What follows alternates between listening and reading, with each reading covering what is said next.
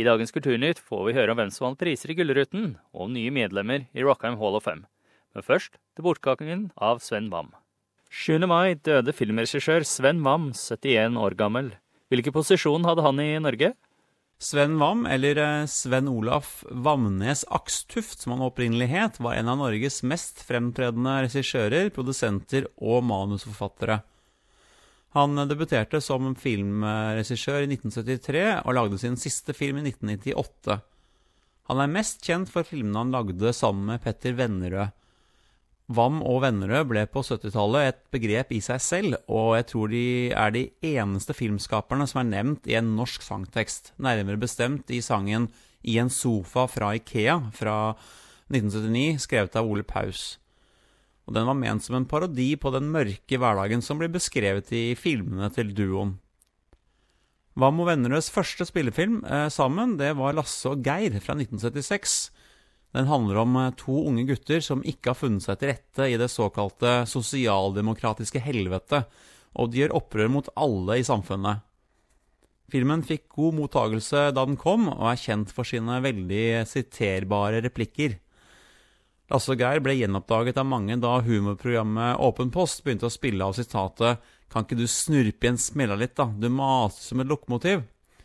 Og denne ble da nominert til tidenes beste norske filmreplikk av Dagbladet for noen år siden. Det mange ikke var klar over, var at mange av replikkene ble skrevet for å være morsomme, samtidig som de også skulle representere et slags ungdommelig klubbsjuspråk. Vennerød har sagt at hans egen favorittreplikk fra filmen er fra en middagsscene der far i huset får gelé til dessert og sier til kona Hva faen er det du bruker penga til?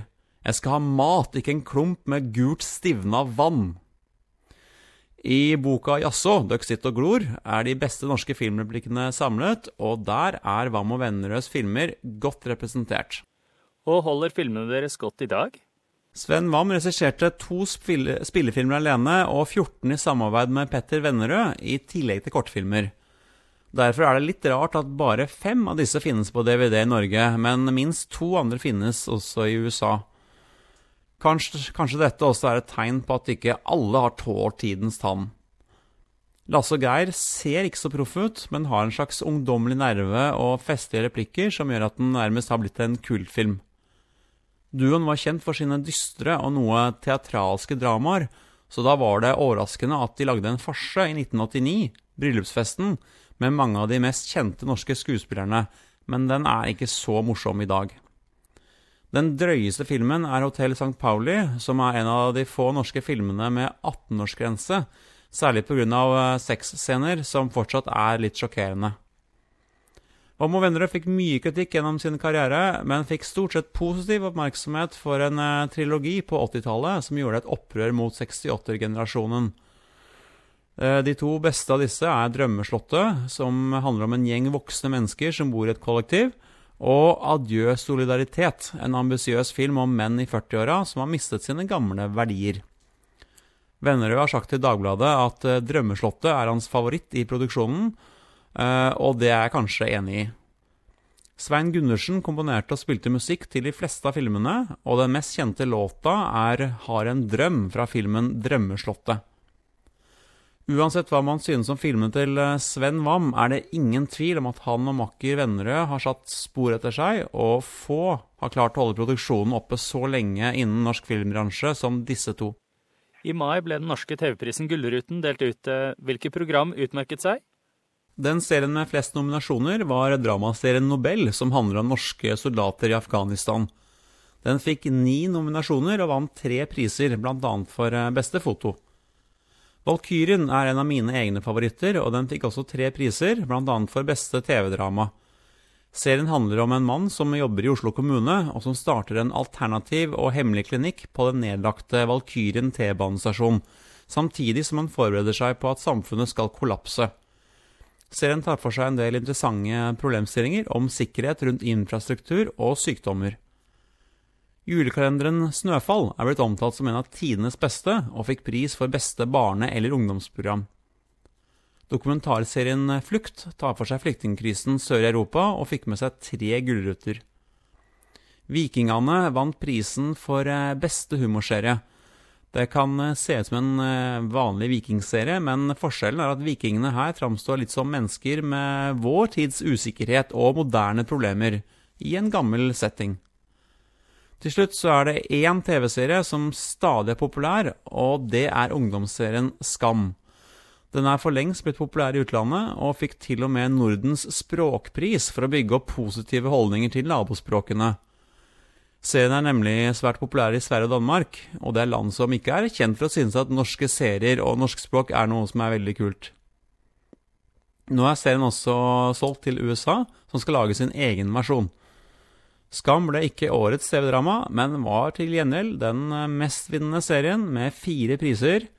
Beste regi i drama, beste manus, publikumsprisen og årets TV-øyeblikk.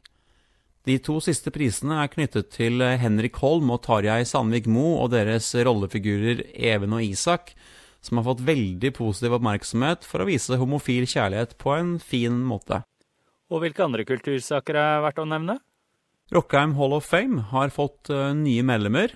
Dizzie Tunes, Popple Ace og Raga Rockers. Målet er å hylle artister i ulike sjangere, og ikke bare i rock, som navnet kan antyde. I fjor ble f.eks. jazzsanger Karin Krogh innlemmet. Hun fylte nylig 80 år og skal være med på Moldejazz i sommer.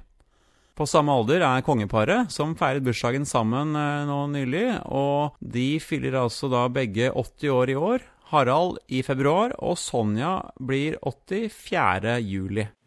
Og til slutt, hvordan har været vært i Norge i vår? Våren i år viser hvor uforutsigbart og variert det kan være i Norge. I mars var det 21,7 grader i Grimstad, mens det kom store mengder snø også i lavere strøk i slutten av april. Så kom mai, og plutselig ble det varmt i store deler av landet. Det ble til og med satt ny varmerekord for mai, med 31,8 grader 27. mai i Nedre Eggedal i Buskerud.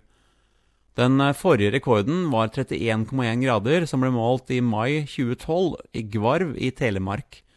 Det var faktisk årets høyeste temperatur det året, og årets mai-rekord er nesten like høy som fjorårets høyeste temperatur. Samtidig med dette har det kommet snø i Nord-Norge nå i slutten av mai. Laveste temperatur natt til onsdag var 6,9 kuldegrader i Gamanjoni i Troms, og høyeste temperatur var Kjølling med 22 grader. I dag sto sola opp i Oslo klokka 4.07, og den går ned igjen 22.23. I Nord-Norge er det nå middagssol, og det er bare noen uker til sommerferien begynner. Kristian, godt å høre fra deg igjen. Jo, bare hyggelig. Det var Kristian Strang Hansen med de norske kulturnyhetene på SBS norsk. Jeg er Frank Mathisen.